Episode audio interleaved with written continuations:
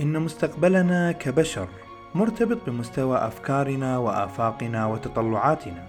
ولكي نرفع ونوسع تلك الآفاق لا يوجد شيء أفضل من سبر أغوار هذا الكون للكشف عن أسراره وجواهره الخفية. معكم حسن الشيرازي وأهلا بكم في الكون بودكاست.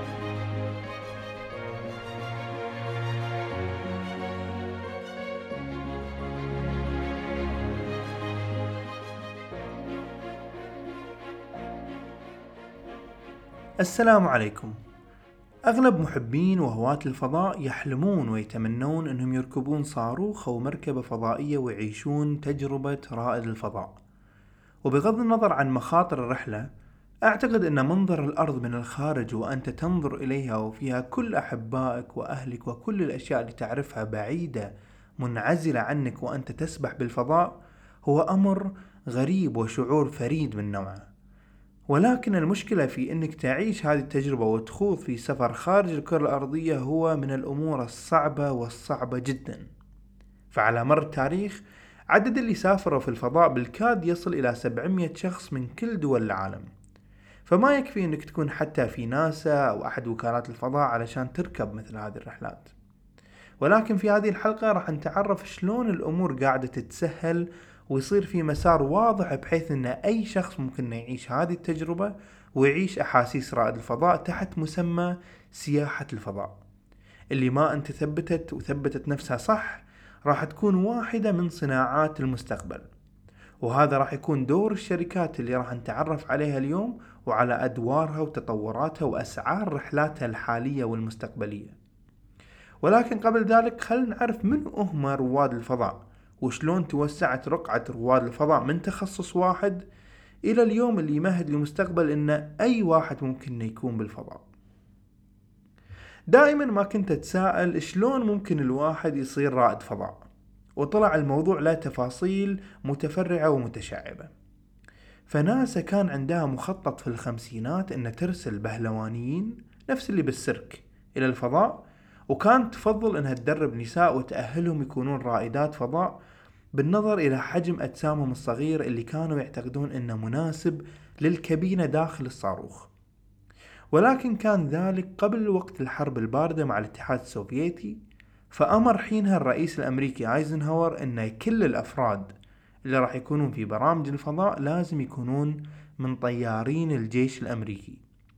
فكانوا المتقدمين جميعهم طوال القامة أقوياء البنية وجميعهم لديهم شهادات في الهندسة وخبرة أكثر من 1500 ساعة في الطيران الحربي. هذا كان في الدفعة الأولى للمتقدمين لبرنامج الفضاء الأمريكي. أما الدفعة الثانية عام 62 أصبح الإعلان للمتقدمين يشمل المدنيين اللي يحملون شهادة طيران بالإضافة إلى طيارين الجيش. وعلى أثر ذلك تقدم نيل أرمسترونغ وتم قبوله. وبعدها بثلاث سنين كان يسمح للمتقدمين أن يكونون حملة شهادة الطب وشهادة العلوم. وعن مهارات الطيران كانوا يكتسبونها بالبرنامج بعد القبول. أما عن أكبر شريحة استوعبها مسمى رواد الفضاء كان بدايتها عام 78 لما أعلنت ناسا أنها راح تقسم رواد الفضاء إلى نوعين.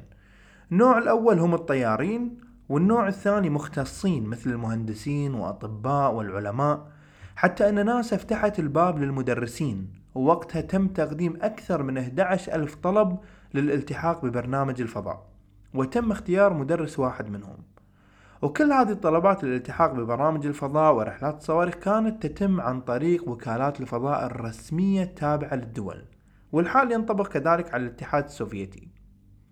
ولكن حدث أمر جديد نوعا ما على ساحة الفضاء واستخدام الصواريخ بعد تفكك الاتحاد السوفيتي. وهو تقدم اليابان بطلب من روسيا أن تأخذ أحد مراسليها إلى محطة الفضاء مير وهذه محطة فضاء شبيهة بمحطة الفضاء الدولية ولكنها كانت تحت تصرف الاتحاد السوفيتي. وبالفعل قبلت روسيا بإرسال المراسل الياباني إلى المحطة مقابل 28 مليون دولار. وكانت هذه بداية لشيء شبيه بسياحة فضائية بحيث تدفع مقابل مادي للرحلة. وبعد هذه العملية بتسع سنوات عام 99 أنشأ مجموعة من المستثمرين الأمريكيين في غالبهم شركة تسمى MirCorp. وكان هدف هذه الشركة أنها تستخدم محطة مير الفضائية كمركز يستفيدون منه بطريقة استثمارية. ولكن لم تنجح الفكرة وفي 2001 انتهى عمل المحطة رسميا وكان لابد من إنهاء عملها. اللي انتهى فيها المطاف بالمحيط الهادي. ووقتها أعلنت نيوزيلندا أن يجب أخذ الحيطة والحذر للسفن البحرية في وقت سقوط المحطة ولو أن نسبة حدوث حادث كانت صغيرة جدا. بعد ذلك توجهت شركة ميركورب للعمل على إرسال الناس إلى محطة الفضاء الدولية. وبالفعل رتبت مع المستثمرين وكان أولهم المليونير دينيس تيتو. ووقتها ناسا سوت مشاكل وضغطت لإلغاء مثل هذه الرحلة وحاولوا أعضاء بالكونغرس أن يتدخلون في هذا الموضوع لإلغاء مثل هذه الرحلة. ولكن MirCorp ما اهتمت ونسقت الموضوع مع روسيا ودينيس تيتو اللي دفع أكثر من 20 مليون دولار من جيبه للترتيب لهذه الرحلة. وكان هناك أيضا شركات كانت تعمل مثل الوسيط للعملية مثل شركة Space Adventures علشان تاخذ الموافقات اللازمة للجهات المعنية وتسهل الرحلة. وبالفعل تم الإطلاق عن طريق الصاروخ سويوز وقضى دينيس تيتو ثمان أيام في محطة الفضاء الدولية مع رواد الفضاء في منتصف العام 2001 وبعد ذلك جاء مليونير من جنوب أفريقيا وتبعه مليونير أمريكي آخر وبعده أمريكية من أصل إيراني حتى أن في عام 2009 تشارلز سيميوني مليونير هنغاري ذهب مرتين في مثل هذه الرحلات. وكانت تكلفتها عادة بدت مع دينيس تيتو 20 مليون دولار ولكن بسبب الطلب أصبحت في حدود الأربعين إلى 50 مليون دولار. هذه الرحلات وإن كانت تأخذ طابع تجاري ولكن تستطيع الجهات أنها تستفيد من هذه الأموال في دعم أبحاث الفضاء أكثر وأكثر. وبسبب الطلب على هذا النوع من الرحلات والطبيعة البشرية توجهت بعض الشركات لمحاولة لاقتناص هذه الفرصة الاستثمارية الجديدة.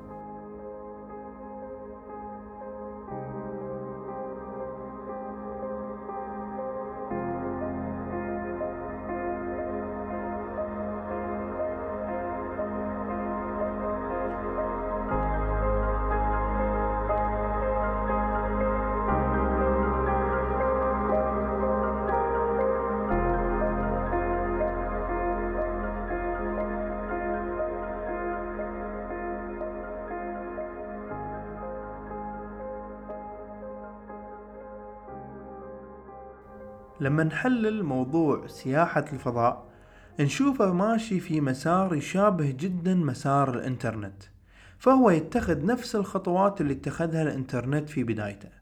فقد كان هناك رائد للموضوع جوزيف لكلايدر وهو خلنا نقول إنه مؤسس فكرة الإنترنت وبعدها انتبه الجيش الأمريكي للموضوع ووزارة الدفاع تبنت الموضوع تحت مسمى داربا نت وعقب ما استفادوا منه واحتاجوا تطوير أكثر دخل الإنترنت في الثمانينات في مرحلة الأبحاث والتطوير وبعدها عصر الألفية ودخول الإنترنت العالم التجاري واقتحام حياتنا اليومية. نفس الأمر ينطبق تماما على الفضاء. بدأ الموضوع مع رواد في صناعة الصواريخ مثل روبرت جودارد وفون بران بعد ذلك استفادت الجهات العسكرية من الموضوع سواء في أمريكا أو روسيا أو غيرهم من الدول ثم احتاج الأمر إلى تطوير فدخلت الجامعات وتم تنظيم الأمر عن طريق جهات مدنية مثل ناسا أو روس كوزموس. والآن نحن نعيش المرحلة التجارية حيث تدخل الشركات بالموضوع لأنها تشوف في عائد مادي مربح جدا وسوق جديد وفريد كليا يمكن الاستفادة منه والاستثمار فيه. والمجتمع العلمي ومحبين الاستكشاف يستفيدون في الجهة المقابلة كذلك. ولكن حاليا من هي الشركات التي تقدم خدمات سياحية أو سياحة الفضاء أو تمهد الطريق لمثل هذه الصناعة؟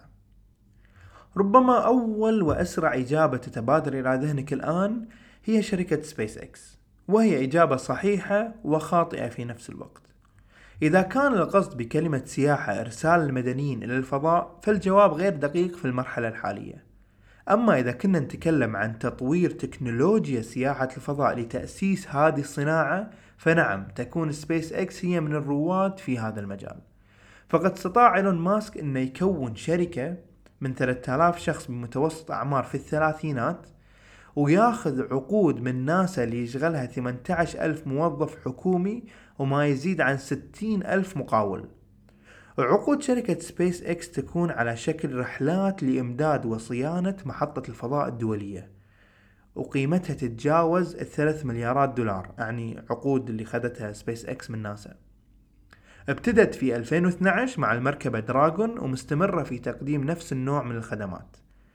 ولكن سبيس إكس غير موجهة طاقتها واستثمارها للأفراد المدنيين في المرحلة الحالية بل جل اهتمامها استعمار المريخ. وإن كان طبعا التكنولوجيا اللي يطورونها راح تكون من التكنولوجيا الرائدة في سياحة الفضاء وستكون بلا شك من أوائل الشركات في هذا المجال.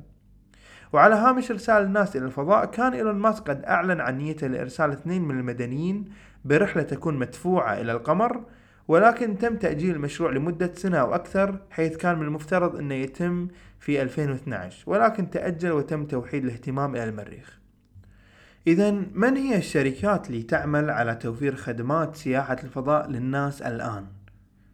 هناك في الواقع الكثير من الشركات تقدم ما يسمى سياحة الفضاء وتقدم خدمات مختلفة ومتنوعة منها شركة Space Adventures اللي توفر لك رحلات تعطي إحساس بانعدام الجاذبية لفترات قصيرة والفكرة كالتالي تدخل الطيارة الخاصة المجهزة لمثل هذا الغرض وتستعد بعد أن تكون تدربت على الرحلة لمدة أيام وشرط أن تكون الأجواء مثالية لأن عادي جدا بعد التدريب يتكنسل كل شيء بسبب الأجواء. وإذا كان كل شيء مثالي تبدي الرحلة بحيث يكون مسار الطيارة على شكل منحنى أو القوس. تبدي بمنحنى الصعود وتصعد تصعد بتسارع رهيب جدا وما أن تصل إلى القمة في المنحنى حتى تبدأ الطائرة في السقوط الحر. وعند هذه النقطة يحس الركاب بانعدام الجاذبية لثواني ويبدون يطيرون في الهواء كأنهم في الفضاء ويعيشون تجربة انعدام الجاذبية.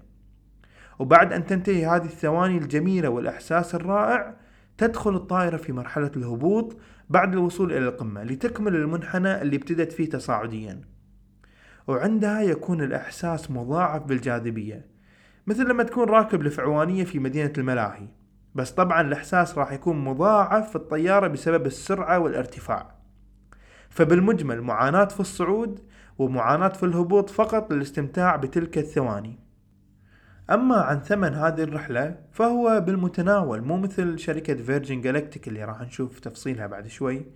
فهي غير مكلفة نسبيا بالنظر لطبيعة الرحلة. فقط خمسة آلاف دولار. وتركب الطيارة بعد التدريب ويسوون لك 15 لفة. اللي تتكون من صعود وهبوط وفي كل مرة تشعر بانعدام الجاذبية. وبالمناسبة العالم ستيفن هوكينج عمل مثل هذه الرحلة وكلنا ندري أن هوكينج كان مقعد وحالته الحركية معدومة. فهذا مؤشر بأن الرحلة ما تحتاج إلى وايد أشياء وتحضيرات خاصة ولكنها فقط تتطلب الشجاعة والجرأة لركوب الطائرة اللي راح تتحرك بطريقة كأنها انتحارية. فإذا كنت من الناس اللي تخاف أو تتأذى من المطبات الهوائية بالرحلة الاعتيادية هذه الرحلة ما تصلح لك ولكنها تعطيك إحساس بما يعيشه رواد الفضاء. وشركة Space Adventures لديهم تسويق لرحلات أخرى فضائية مثل المشي في الفضاء وتدريب محاكي لتدريب رواد الفضاء الحقيقي وغيرها من الخدمات اللي تندرج تحت سياحة الفضاء. بعد Space Adventures هناك شركة Virgin Galactic اللي تملك Virgin Virgin Airline و Virgin American ويترأسها ريتشارد برانسون. كانوا ياخذون فلوس من الناس في بداية الألفية لحجز الرحلات وحجز مقاعدهم. وكانوا ياخذون الفلوس ويدرسون كيفية تطوير وتطبيق هذه الرحلات يعني مثل ار ان دي فالمبالغ كانت تنوخذ على هيئة استثمار بمشروع الناس حابة ان تشوفه في المستقبل. وبالفعل في 2008 و 2009 بدأت الناس تشتري هذه التذاكر وبمبالغ تبدي ب 200 ألف دولار أي ما يعادل تقريبا 60 ألف دينار كويتي. وأعمار الناس اللي شرت تذاكر يتراوح من بين 11 إلى 70 سنة. ومنهم مشاهير مثل توم كروز وليوناردو دي كابريو جاستن بيبر وغيرهم من المشاهير اللي ودهم يعيشون هذه التجربة. وطبيعة الرحلة تكون أن تركب في طائرة مخصصة أنها تدور في مدار الأرض المنخفض وتدور حول الكرة الأرضية وفي لها أنواع وتفاصيل.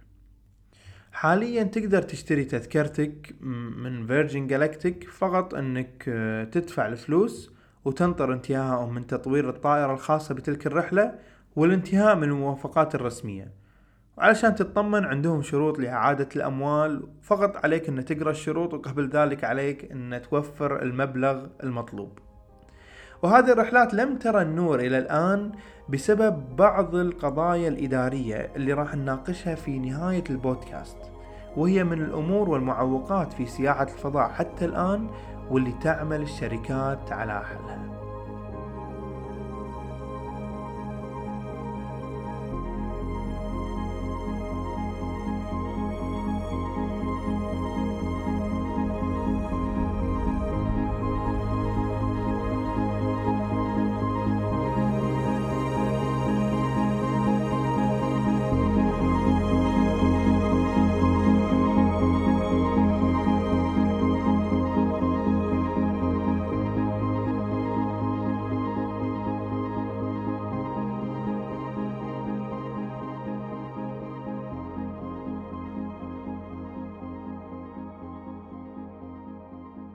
الاسم الآخر والكبير في سياحة الفضاء هو بيجلوز كمباني اللي تعمل على تنفيذ مهمة ورؤية فريدة من نوعها وجريئة في نفس الوقت.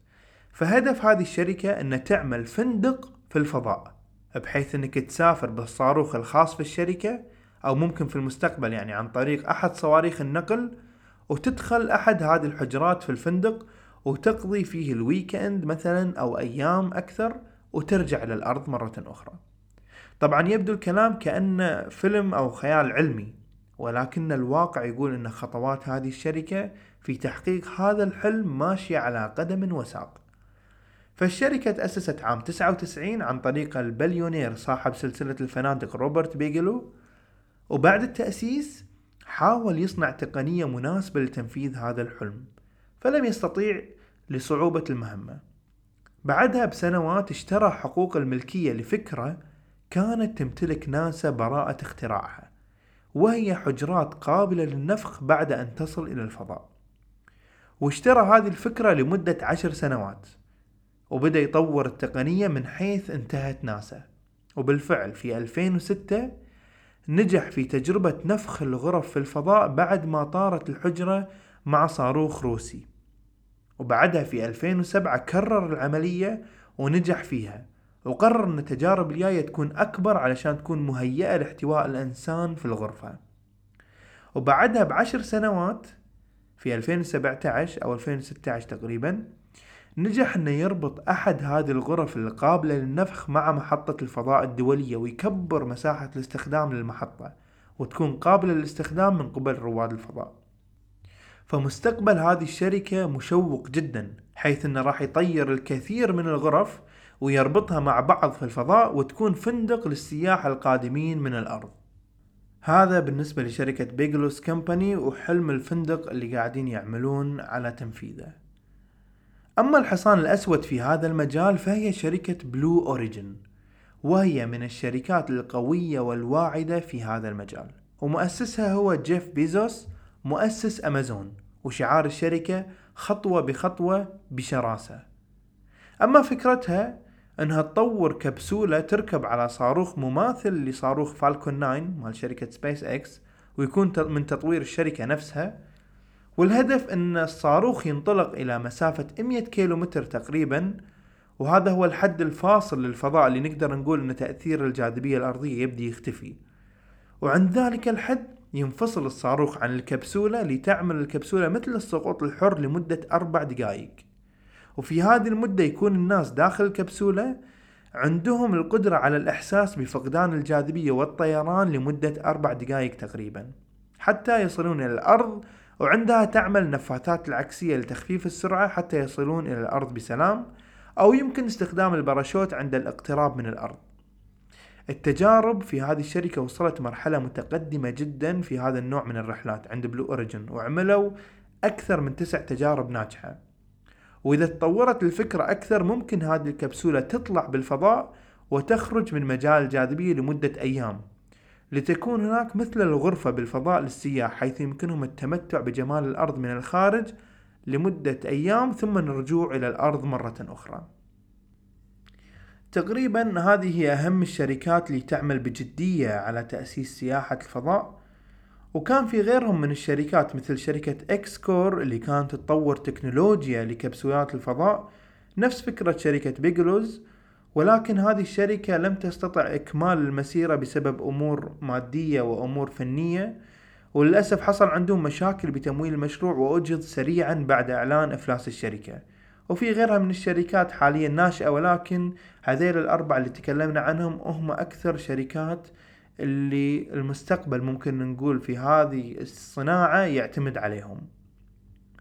يبقى نتكلم عن شيء مهم وأساسي في هذه الصناعة وهو حتى يكون هناك سياحة فضائية فيها استمرارية وقابلة للنمو وتكون صناعة مربحة للشركات يجب أن لا يكون الاعتماد فقط على رحلات النقل البشري.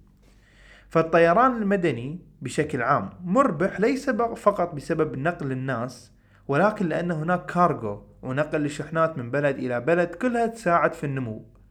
نفس المبدأ يجب أن يطبق هذه الفكرة لكي يكون مربح في سياحة الفضاء. فبدون الربحية للشركات لن يكون هناك مستقبل لهذه الصناعة. أما الأشياء اللي ممكن تعطل سياحة الفضاء وتجعل الرحلات لم ترى النور إلى الآن هي الموافقات اللي عادة ما تكون متطلبة من قبل الهيئات الرسمية في الدول. فمثلا في الولايات المتحدة الأمريكية لعمل مثل هذه الرحلات يجب أخذ موافقة إدارة الطيران الفيدرالية اللي ما سمحت لحد الآن أن الناس العاديين يتجولون في الفضاء بصورة تجارية. ولكن أعتقد في النهاية ومع ضغط الشركات الخاصة وحركة الأموال اللي راح تدرها هذا النوع من الصناعة أو السياحة إن صح التعبير فهم سيوافقون في النهاية. أيضا من المشاكل التي يجب العمل على حلها هي البروسيجرز أو الإجراءات الرسمية ورسم العلاقات وكيفية كتابتها لأن الكثير من الأشياء راح تدخل مثل الصحة والنقل والأمن والحدود الدولية. وفي الواقع في 2006 الحكومة الأمريكية نشرت مذكرة تتكون من 120 صفحة تحتوي على قوانين تنظيم سياحة الفضاء وتحتوي على تنوع هائل في التنظيم الطبي والقانوني ومن جهة التأمين والحوادث وغيرها من التنظيمات. واللي تبين أن يمكن احتواء مشكلة الطيران الفيدرالي الأمريكي وغيرها من التعقيدات. ولكن كانت المشكلة الأبرز مع مؤسسة تدعى America's International Traffic in Arms Regulations. والترجمة الحرفية هي حركة المرور الدولية لأمريكا في تنظيم التسلح. فالصواريخ تعتبر مثل القنابل والأسلحة لذلك يجب إصدار تراخيص خاصة لها. وتبين أن إصدار مثل هذه التراخيص صعب جدا من قبل هذه المؤسسة بسبب الخوف من عمليات التسليح تحت مسمى سياحة الفضاء. وفيها هذه المؤسسة من البيروقراطية الشيء الكثير جدا.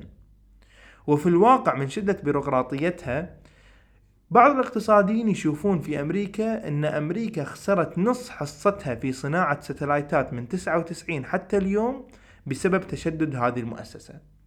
ولكن كما قلت مع الضغط من النواب والإعلام والشركات ففي النهاية سيتم تسهيل كل هذه الأمور. هذا كان ملخص لكل متعلقات سياحة الفضاء ولأهم الشركات اللي تعمل في هذا المجال. ولا نعلم من منها سيسبق الآخر ولكن الأكيد أن إحنا موعودين بسنوات من الإبداع في هذا المجال واللي نأمل فعلا أن تكبر في هذه السياحة لتحقق أحلام كثير من محبين الفضاء وتصير الأسعار بالمتناول للجميع لتجربة شيء لم يسبق لأحد قبلنا أن عاشه. فأنا متأكد أن هذه التجربة راح تضيف الكثير من الجوانب للإنسان ومنها الجانب الروحي للأشخاص بالتأمل في جمال وإبداع الخالق عز وجل لهذا الكون من منظور جديد وفريد بمعنى الكلمة. وسيكون هناك الكثير من الأشياء اللي راح نتعلمها ونستكشفها في هذا الكون الجميل.